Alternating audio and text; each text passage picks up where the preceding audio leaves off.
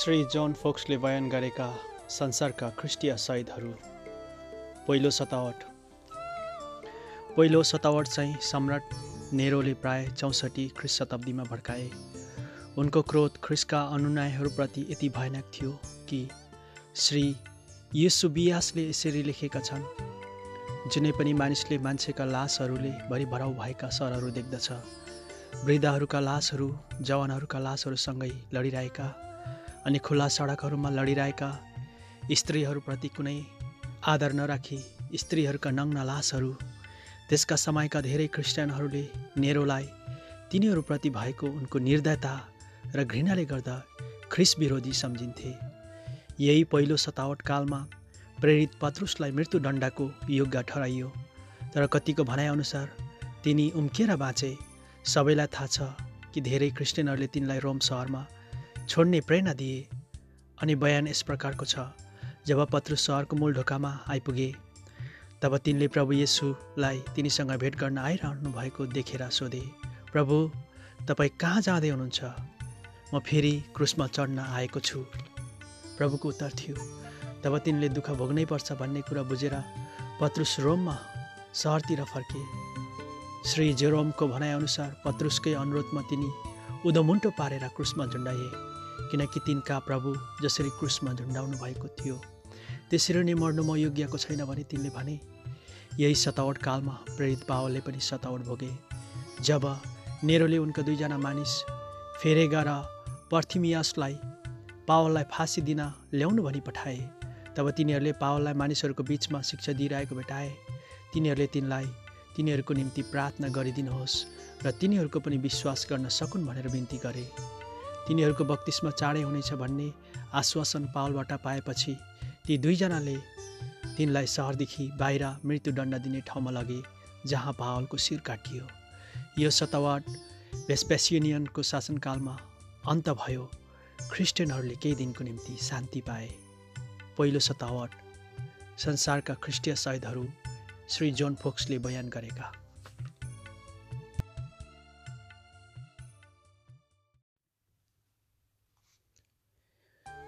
Shri John फोक्सले बयान गरेका संसारका ख्रिस्टीय शहीदहरू दोस्रो सतावट। दोस्रो सतावट टाइटसको भाइ डोमेटियनको शासनकालमा सुरु भयो। डोमेटियनले प्रेरित योनालाई पद्मोस टापुमा निर्वासित गरे तर डोमेटियन मरेपछि सन्तानब्बे ख्रिस शताब्दीमा तिनलाई एपिसिसमा फर्किआउने अनुमति दियो त्यहाँ तिनी टार्जनको शासनकालसम्म तुर्की अर्थात् एसिया माइनरका मण्डलीहरूको परिचालन गर्दै र तिनको सुसमाचार लेख्दै बसे। जबसम्म तिनी मरेनन् प्राय सय वर्षको उमेरसम्म। रोमी सम्राटहरू र त्यसको राज्यसभाले किन यसरी क्रिस्चियनहरूलाई सताए? सर्वप्रथम त तिनीहरूले ख्रिसको राज्य संसारिक राज्य होइन भनी बुझेनन्। साथै धेरै धेरै नागरिकहरू ख्रिसका अनुयायी भएदेखि तिनीहरूलाई आफ्नो शक्तिशाली नेतृत्वमा बाधा आइपर्ने डर थियो। दोस्रो त क्रिस्चियनहरूले सत्य र जीवित परमेश्वरलाई मात्र पुज्ने गर्थे र झुट्टा रोमी देवी देवताहरूलाई तिरस्कार गरेर मान्दैनथे। अनिकाल रोग भुइँचालो लडाइँहरू वा खराब मौसम रोममा जे हुन्थ्यो ती सबैको निम्ति रोमी देवी देवताको विरोध गर्ने क्रिस्चियनहरूलाई नै दोष लगाइन्थ्यो। मृत्युदण्ड क्रिस्चियनहरूको निम्ति पर्याप्त दण्ड मानिँदैन थियो यसै कारण उनीहरूलाई जति सस्तो र कुरभन्दा कुर कडा दण्ड दिइन्थ्यो। उनीहरूलाई खोर्न लगाइन्थ्यो उनीहरूको आन्द्रभुँडी निकालिन्थ्यो उनीहरूलाई च्यातिन्थ्यो र उनीहरूमाथि ढुङ्गा ओह्राइन्थ्यो। उनीहरूका शरीरलाई तातो रातो फलामले डामिन्थ्यो उनीहरूको घाँटी निमठिन्थ्यो। उनीहरू जङ्गली पशुहरूको आरा हुन्थे झुन्डाइन्थे र साँडेहरूका सिङले गोदिन्थे र झट्टारिन्थे। मरेपछि उनीहरूको लासहरू थुपारेर थाक थाक लाइन्थे र दफन नगरी कुहुन भनेर ती त्यत्तिकै छाडिन्थे। यस्तो भए पनि मण्डली लगातार बढी नै रह्यो। प्रेरितहरूले सिकाएको सिद्धान्तमा गहिरो जरा हालेर र पवित्र जनहरूको रगतबाट सिँचाइ पाएर। श्री जोन फोक्सले बयान गरेका संसारका ख्रिस्ट शहीदहरू दोस्रो सतावट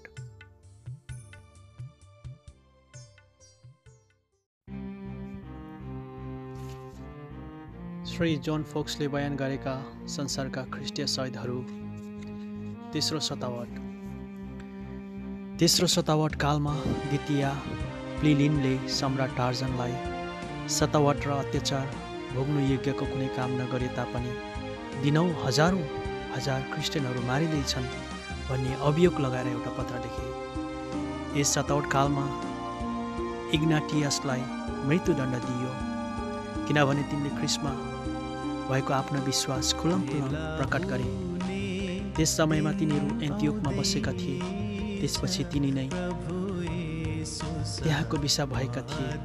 जब सिपाहीहरूको भारी सुरक्षामा तिनले सिरियादेखि रोमसम्मको यात्रा गरे तब तिनले बाटोमा परेका मण्डलीहरूलाई प्रचार गरे अनि रोममा भएको मण्डलीसित तिनलाई बचाउने प्रयास नगर्न गरे।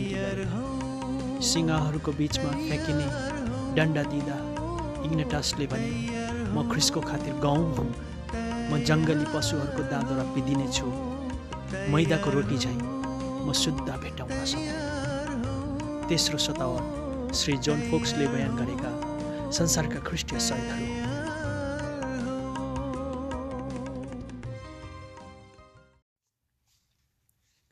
श्री जोन फोक्सले बयान गरेका संसारका ख्रिस्टीय सहितहरू चौथो सतावट छोटो राहतपछि क्रिस्चियनहरूले फेरि पनि मर्कुस ओरेलियसको पालामा इस्सम्बत एक सय एकसठी सालमा सतावटको चपेटामा आइपरे। यसपल्टको सतावट भोग्नेहरूमा एकजना थिए।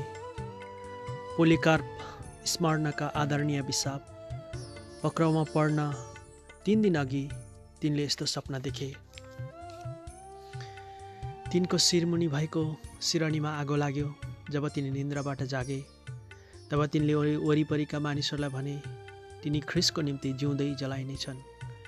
एक दिन साँझमा तिनलाई पक्रेर लानेहरू आएका छन् भन्ने खबर सुनेर पोलिकार्पले तिनीहरूलाई स्वागत गर्न पलङबाट उठेर गए र तिनीहरूको निम्ति भोजन तयार पार्ने आदेश दिए।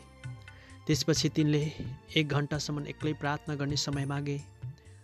पोलिकार्पको वृद्ध उमेरले र तिनको शान्त स्वभावले ती सिपाहीहरूलाई यति साह्रै प्रभावित पार्यो कि तिनीहरू किन हामी यस्तो सज्जन मानिसलाई पक्रेर लान पठायौँ भनी अचम्मित भए? तर तिनले प्रार्थना गरिसक्ने बित्तिकै ती सिपाहीहरूले तिनलाई एउटा गदामाथि चढाएर तिनलाई सहरमा ल्याए। जब तिनलाई रक्षा गर्ने सिपाहीहरूको साथमा अखडामा स्टेडियममा प्रवेश गरे तब स्वर्गबाट यस्तो भनेको एउटा आवाज सुनियो बलियो हौ पोलिकार्प! र वीरता देखाऊ छेउछाउकाहरूमा कसैले कोहीले बोलेको देखेनन् तर धेरै मानिसहरूले त्यो आवाज सुने। तिनलाई न्याय परिषद र धुइरोको सामु ल्याई उभ्याउँदा पोलिकार्पले प्रभु येसुलाई इन्कार गर्न मानेनन्। यद्यपि राज्यपालले तिनीसित आफ्नो बारेमा सोच आफ्नो वृद्ध अवस्थामाथि टिठ्याउ र ख्रिसलाई धिकारा म तिमीलाई छोडिदिनेछु भनी बिन्ती गरे। पोलिकार्पले उत्तर दिँदै भने मैले छ्यासी वर्षसम्म प्रभुको सेवा गरेँ र उहाँले कहिले मेरो कुनै खराबी गर्नु भएन। तब मलाई मुक्ति दिनुहुने मेरा स्वामीको अपमान म कसरी गर्न सक्छु त? जङ्गली पशुहरूको शिकार हुने र जलाइने धम्की दिँदा पनि पोलिकार्प स्थिर रहे। तिमीहरू के का निम्ति पर्खिँदैछौ? जे मन लाग्छ त्यही गर। पोलिकार्पले भने आगो लाउने दाउरा थुपार्दै र तिनलाई खामामा बाँध्ने तयारी गर्दै भिडले पोलिकार्पको मृत्युको माग माग्यो। तिनले भने मलाई केही नगर त्यत्तिकै छाडिदेऊ। जसले मलाई आगोको सामना गर्ने शक्ति दिनुहुन्छ उहाँले नै मलाई यस दाउराको थाकबाट पछि नहट्नको निम्ति सहायता गर्नुहुनेछ। यसकारण ती मानिसहरूले तिनलाई बाँधे तर काँटी ठोकेर तिनलाई खामामा राखेनन्। पोलिकार्पले प्रार्थना गरी सिद्ध्याउने बित्तिकै आगो सल्काइयो। आगोका जलाहरूले तिनीहरूको वरिपरि माथि उठे तर तिनी जलेनन्। अन्तमा भिडले एउटा सिपाहीलाई तिनको छातीमा तौरा रोप्न मनायो। सिपाहीले यसो गर्दा यति धेरै रगत बगिसक्यो कि आगो तत्कालै निभ्यो। तब केही सिपाहीहरूले तिनको शरीरमा शरीरलाई आगोमा फालेर खरानी नभएसम्म जलाइदिए। त्यही खरानी केही क्रिस्चियनहरूले पछिबाट जम्मा गरेर ठिकसित दफन गरे। यही सतावटमा फ्रान्सका दुईवटा सहर लियोनन्स र भियनका क्रिस्चियनहरूले पनि सतावट र अत्याचार सहे जसमा भियनाका स्कन्टकस मातुरास पर्गमसको आट्टालुस साथै ब्लान्डिना नामक स्त्री पनि थिइन्। तिनीहरूले यति धेरै सतावट अनि मृत्यु खुबै अटल भए र मनोहर रूपले सहे। श्री जोन फोक्सले बयान गरेका संसारका ख्रिस्टे सायदहरू चौथो सतावट।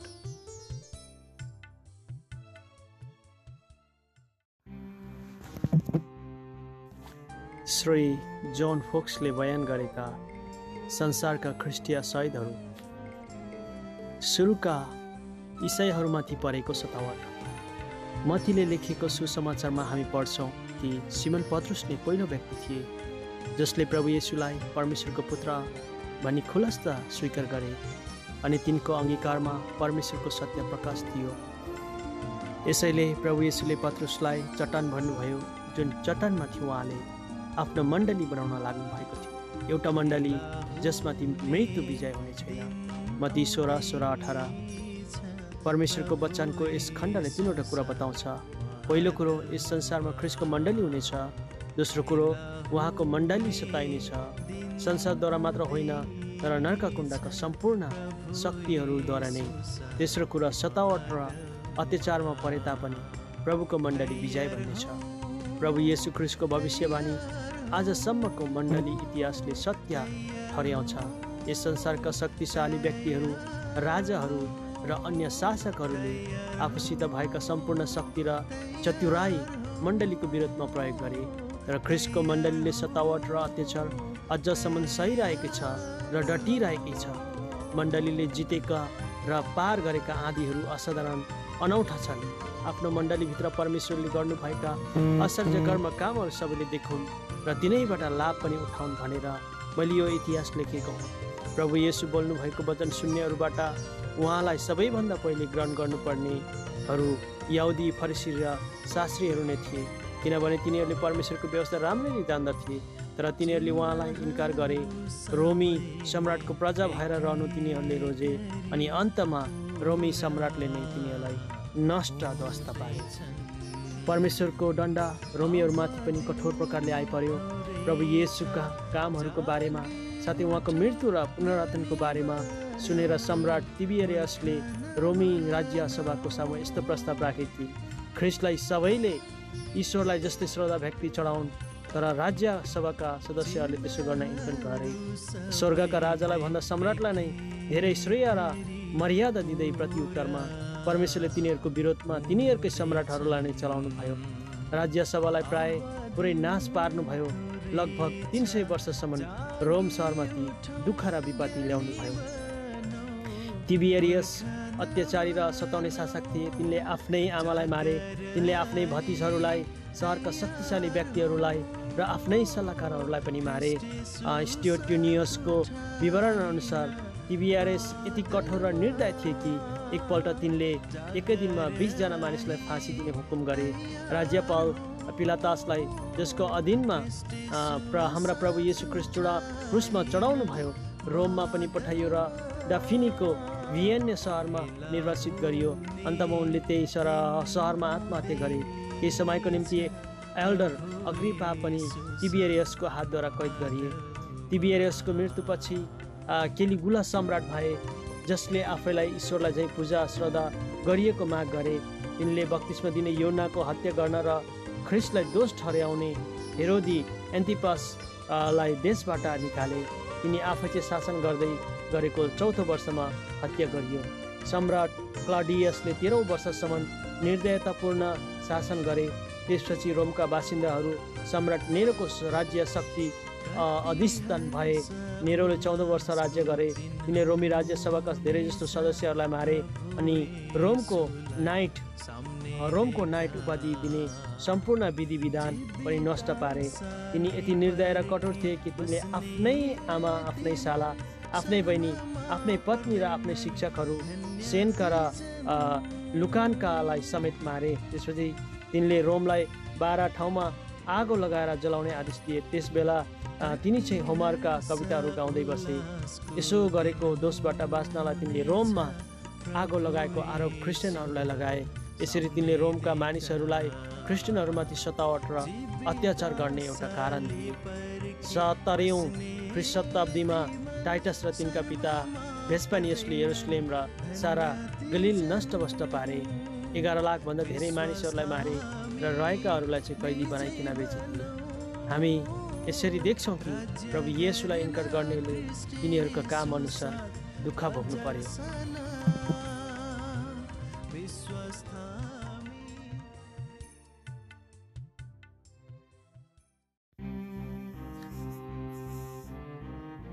दुई सौ शताब्दीमा पाँचौँ शतवाट। सेभरसको शासनकालमा क्रिस्चियनहरूले केही वर्ष शान्तिसित जिउन पाए। उनीहरूले दण्ड पाउने डर बिना परमेश्वरको सेवा आराधना गर्न सके र केही समयपछि अन्जान अज्ञानी उचेतित भिडको घृणा फेरि प्रबल भयो। पुरानो नियम कानुन ल्याइयो र उनीहरूको विरोधमा प्रयोग गरियो।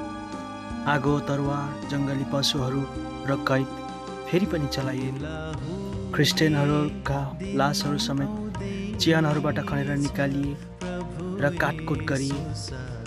यसो भए पनि विश्वासीहरू बढ्दै रहे। त्यस समयका इतिहासकार टाटुन टिलियनले के लेखे भने यदि सबै क्रिस्चियनहरू रोमको राज्यबाट निस्केर गएको भए रोमी साम्राज्य निकै कमजोर हुने थियो। त सतावट उत्तरी अफ्रिकासम्म पनि फैलिएर गएको थियो।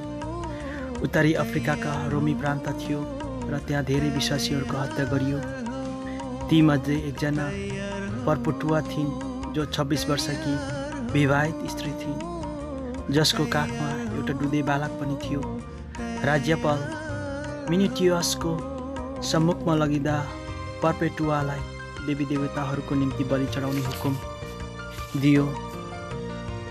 त्यसो गर्न इन्कार गर्दा तिनी एउटा अँध्यारो कोठुरीमा हालिन्। त्यस नानीलाई तिनीबाट खोसियो।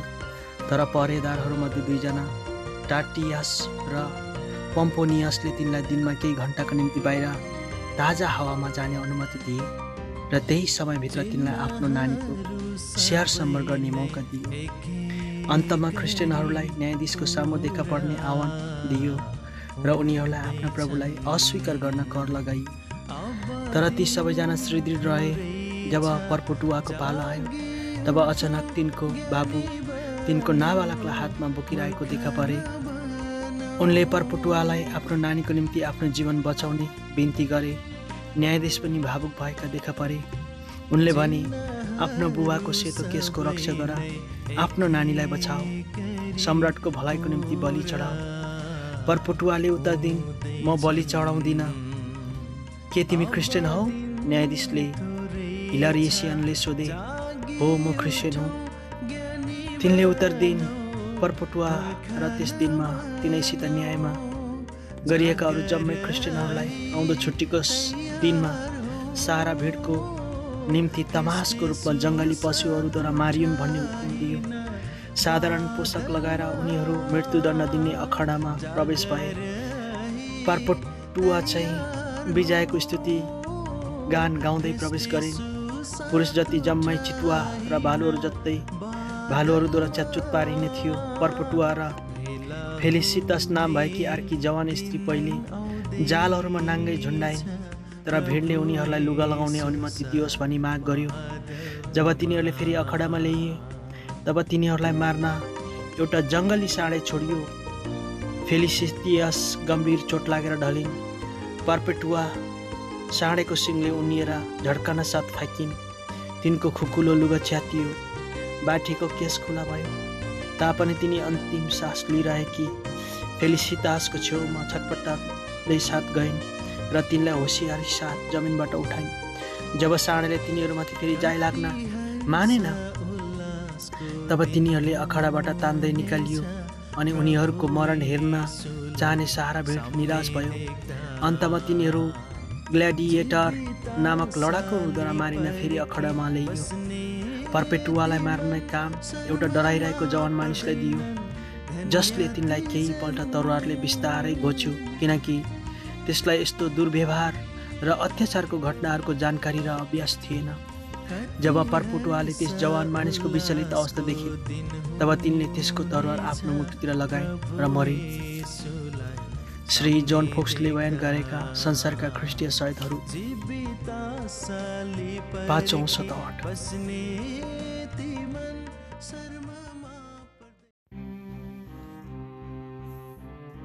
दुई सौ पैँतिस ख्रिस्ट शताब्दीमा छैटौँ शतावट यो शतावट साम्राज्य म्याक्सिमिलेसियनले सुरु गरे। तिनले सबै क्रिस्चियनहरूलाई खोजी खोजी पक्रिने र मार्ने हुकुम गरे।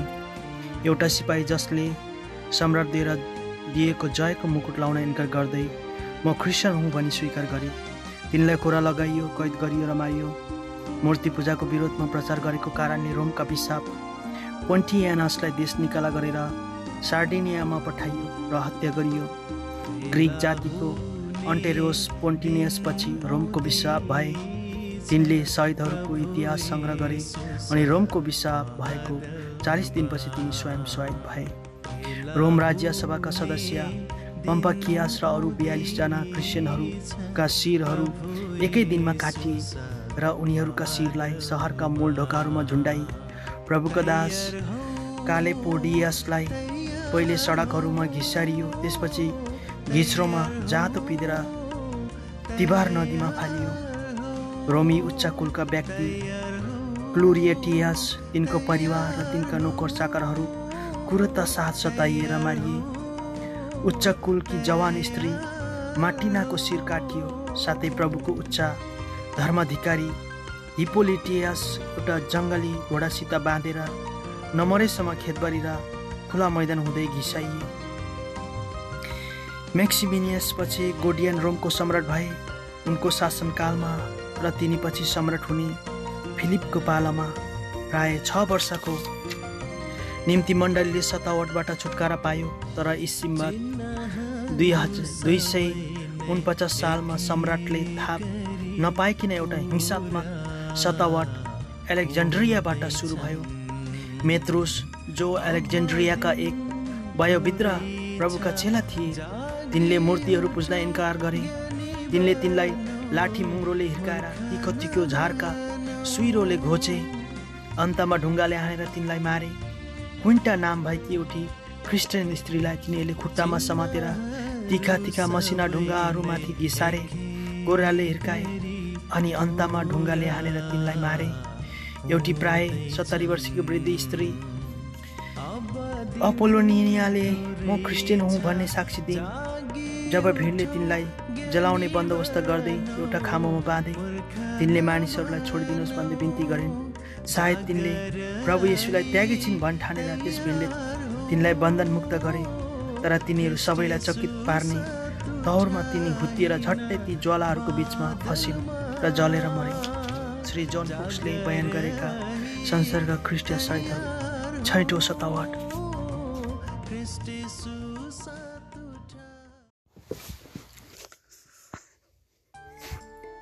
दुई सय उनपचासौँ ख्रिस शताब्दीमा सातौँ शतावट। त्यस बेलासम्म रोमका मन्दिरहरू प्राय त्यागिएका थिए तर इसाई सेवालयहरूमा चाहिँ प्रभुतिर फर्केका नयाँ विश्वासीहरूको भिड थियो। तब सम्राट डेसियासले अब सधैँको निम्ति हटाउन क्रिस्चियनहरूलाई दमन गर्ने निर्णय गरे। मण्डलीका अगुवाहरूमध्ये रोमका विशाप फेभियन यसपल्टको सतावटको गम्भीरता सबैभन्दा पहिले अनुभव गर्नु परेको थियो। अघिका सम्राट फिलिपले आफ्नो धन सम्पत्तिको हरिसाप राख्ने अभिभारा फेभियानलाई सुम्पेका थिए। जब डेसियसले धन सम्पत्तिको जाँच गरे तब आफूले आशा गरेको भन्दा धेरै कम्ती धन सम्पत्ति पाए। यसकारण उनले फिभियालाई पक्रनलाई शिर काटेर मार्न लगाए। एफिसिसमा एउटा मूर्तिको मन्दिर बनाइसकेपछि डेसियासले सहरको प्रत्येक व्यक्तिलाई त्यस मन्दिरमा आए मूर्तिलाई बलि चढाउने आदेश दिए। यो हुकुम मान्न तिनका तिनका सातजना सिपाहीहरूले इन्कार गरे। म्याक्सिमियसनस मार्सिनियस योहनेसियस मल्कास डियोनिसियस कन्टेस्टाइन र सेरोन सम्राटले तिनी यात्राबाट फर्केर नआउन्जेलसम्म केही शान्तिपूर्ण आग्रह गर्न र मिलाउने इच्छा राखेर तिनीहरूलाई विचार गर्ने समय दिए। तर तिनको अनुपस्थितिमा ती सातैजना जेलबाट भागे र एउटा ओडारमा लुकेर बसे। डेसियसलाई यो कुरा तिनी फर्केर आएपछि मात्र बताइयो त्यो ओडारको मुख बन्द गरियो। यसैले ती सातैजना सिपाहीहरू भोकको शिकार भएर मरे। थियोडोरा नाम भएकी एन्टियोकी एउटी सुन्दर जवान स्त्रीले रोमी मूर्तिहरूलाई पुज्न र देवताहरूलाई बलि चढाउन इन्कार गरिन् यसकारण तिनी कारावासको दण्ड पाइने जेलमा थुनिन्। तिनको क्रिस्चियन प्रेमी दिदी मसले रोमी सिपाहीको बेस लिएर थियोडोराको कोठरीमा गइन्। उनले थियोडोरालाई आफूले लाएका सिपाही पोसाक र हात हतियार लगाएर उम्कन बनाए तर जब दिदीमस प्रकट भए तब उनलाई राज्यपाल कहाँ लगियो र उनलाई मृत्युदण्ड दियो तब थियोडोराले दिदीमसले मृत्युदण्ड दिने फैसला पाएको कुरा सुनिन्। तब तिनी न्यायाधीशको चरणमा परिन् र दिदीमसलाई होइन तर तिनलाई नै दण्ड दियोस् भनी बिन्ती गरिन्। तब न्यायाधीशले ती दुवैको शिर काट्ने र तिनीहरूको शिर जलाउने हुकुम दिए। एलेक्जेन्ड्रियाको प्रसिद्ध लेखक र शिक्षक ओरिगियन चौसठी वर्षको उमेरमा पक्राउ परे। साङ्लाले बाँधिएर कैद गरिए। उनका खुट्टाहरू पुरा फारेर ठिङ्गुरमा राखिए। ओरिगेगियन धडिएन धनडिया र प्रसिद्ध थिए तापनि तिनले कृपा पाएनन्। तिनलाई आगोले पोलियो भयभरका सबै किसिमका साधनहरू प्रयोग गरेर तिनलाई सताए तर तिनको धैर्य र सहन सक्ने शक्तिले तिनलाई त्यस सतावटभरि सम्हाले। यद्यपि न्यायाधीशले तिनलाई सताउने र दुःख दिने मानिसहरूलाई तिनको सतावट र पीर लम्बाउने बढाउने आदेश दिए त्यस सतावट कालमा सम्राट डेसियस मरे। त्यसपछि आएका सम्राट गोथ जातिहरूको विरोधमा लडाइँ गर्न सुरु गरे। त्यस युद्धले साम्राज्यको धान क्रिस्चियनहरूमाथि मात्र अन्यत्र सर्यो। ओरिगन मुक्त गरिए। उन्सत्तरी वर्षको उमेर पुगेर नमरेस तिनी टायरमा बसोबास गरे। श्री जन फोक्सले बयान गरेका संसारका ख्रिस्टीय साहित्यहरू सातौँ शतावट पढिसकेका छौँ। इतिहासको सपनेय किताबमा दुई। हे चाहना नगरिएको जाति आफूलाई भेला गर। अँ भेला हौ। कुराहरू चाहिँ आज किन घटिराखेको छ?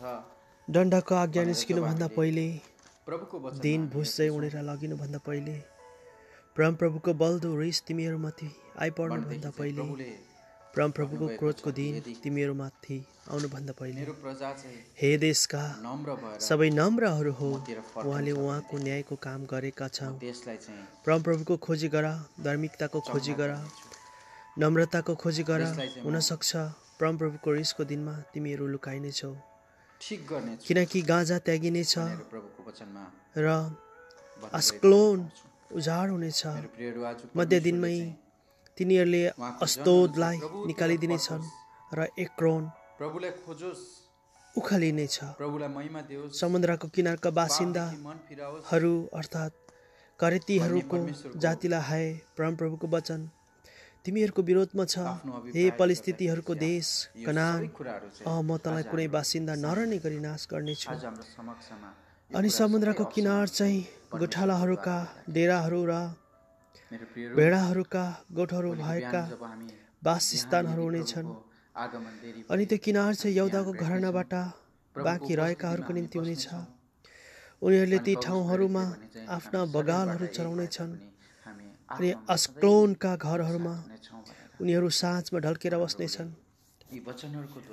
किनभने परमप्रभु तिनीहरूका परमेश्वरले उनीहरूसित भेट गर्नुहुनेछ र उनीहरूलाई कैदबाट फर्काएर ल्याउनुहुनेछ मैले मोहाबको निन्दा र अम्नोनीहरूको। गिल्लाहरू सुनेको छु मसित उनीहरूले मेरो प्रजाको निन्दा गरेका छन् र उनीहरूको सिमानाको विरोधमा। आफूलाई ठुलो तुल्याएका छन् यसकारण इजरायलका परमेश्वर सेनाहरूका परमप्रभु भन्नुहुन्छ मेरो जीवनको कसम निश्चय नै। मोहाब नै जस्तो हुनेछ र कि गमोर जस्ता हुनेछन् हामी बरालिएर सिस्नो हिँड्ने हो। घारी प्रभुले नुनका खडाले। खडालो र सदा रहिरहने उजाडता। मेरो प्रजाबाट बाँकी रहेकाहरूले तिनीहरूलाई लुट्ने छन् हृदयलाई जाँच्नुहुन्छ, मेरो प्रजाका बाँचेकाहरूले तिनीहरूलाई आफ्नो अधिकारमा पार्नेछन्। तिनीहरूले आफ्नो परमेश्वरको कारणले यो कुरा पाउनेछन् किनकि तिनीहरूले सेनाहरूको परमप्रभुको मात्रै प्रजालाई। निन्दा गरेका छन् र तिनीहरूको विरोधमा आफूलाई। ठुलो तुल्याएका छन्। तिनीहरूका निम्ति परमप्रभु डरलाग्दो बन्नुहुनेछ। किनकि उहाँले पृथ्वीका सबै देवताहरूलाई सबै वचनहरूद्वारा पिलनधारे तुल्याउनुहुनेछ अनि मानिसहरू हरेकले आफ्नो ठाउँबाट उहाँलाई दण्डवाद गर्नेछन्। अँ जाति जातिका सबै टापुहरूले पनि गर्नेछन्। अँ तिमीहरू हे खुसीहरू हो तिमीहरू पनि मेरो तरवारद्वारा मारिनेछौ। अनि उहाँले उत्तर दिशाको विरोधमा आफ्नो हात फैलाउनुहुनेछ अनि आज सुरलाई नाश गर्नुहुनेछ र निनबेलाई उजाड उजाड जस्तै सुक्खा तुल्याउनुहुनेछ। अनि त्यस सहरको बिचमा बगालहरू जातिका सबै पशुहरू ढल्केर बस्नेछन्। दुवै धनेश र बकुला त्यसका चौकसका थाप्लाहरूमा बास बस्नेछन्। झ्यालहरूमा तिनीहरूको स्वरले गाउनेछन् त्यसका सङ्गारहरू उजाड पाइनेछन् किनकि उहाँले देवदारको काम नाङ्गो पार्नुहुनेछ। यो त निष्फिक्रीसँग बसेर रमाइरहने सहर हो जसले आफ्नो मनमा भन्ने गर्थ्यो मै हुँ र म बाहेक अरू कोही छैन। कसरी त्यो उजाड बन्यो? पशुहरूको ढल्केर बस्ने ठाउँ त्यसको छेउबाट भएर जाने हरेकले खिसी गर्नेछन् र आफ्नो मुर्की हल्लाउनेछन् हात हल्लाउनेछन्।